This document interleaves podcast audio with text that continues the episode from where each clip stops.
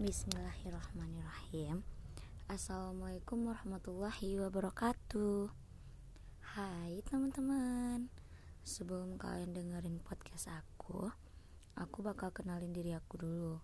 Nama aku Hasna Mega Putri. Aku biasa dipanggil Adi. Ya walaupun aku anak pertama sih. Pada episode pertama ini aku akan bahas tentang sehelai kain penutup muka yang udah aku pakai selama satu tahun belakangan. Selamat mendengarkan. Sehelai kain penutup muka sederhana, namun istimewa. Bentuknya simpel tapi mempesona. Ya, sehelai kain penutup muka melindungi di kala sendiri, menjadi tameng dari mata-mata jahat yang menghampiri setiap hari. Oke, aku akan sedikit bercerita kali pertama aku memakainya. Awalnya aku hanya coba-coba memakainya, sampai pada fase aku ingin mempelajarinya lebih dalam. Dan sekarang aku terperangkap dalam zona nyaman.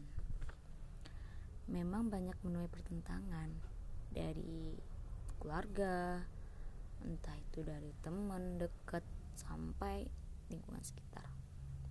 Tapi aku tetap kekeh sama pendirian berikan penjelasan yang logis pada mereka dan tunjukkan kalau kita memang ingin berubah ke arah yang lebih baik insya Allah mereka paham kok Jikalau ada teman-teman dekat kita yang ngejauhin serta membenci kita hanya karena kita memakai sehelai kain penutup muka, ya udah, jangan terlalu difikirkan. Sebab Tuhan akan menggantikannya dengan yang lebih baik lagi. Jika kamu berubah ke arah yang lebih baik, maka kamu akan ditemukan dengan orang-orang yang baik pula. Dan itu nyata adanya, karena aku telah mengalaminya. Lalu ada sebuah pertanyaan menghampiri. Mengapa aku memakainya? Mengapa aku ingin sekali memakainya? Jawabannya simpel. Aku tidak tahu umurku sampai kapan. Jika aku menunda sebuah kebaikan, apa yakin pada saat itu masih hidup? Atau kita telah dihampiri oleh kematian. Tidak ada yang tahu bukan? Wallahu alam. Sehelai kain penutup muka biasanya disebut cadar atau nikob. Dalam empat mazhab dalam Islam, hukum cadar itu sunnah atau dianjurkan sesuai dengan kondisi yang ada. Jadi teman-teman, kalian boleh memakainya, boleh juga tidak. Itu pilihan masing-masing.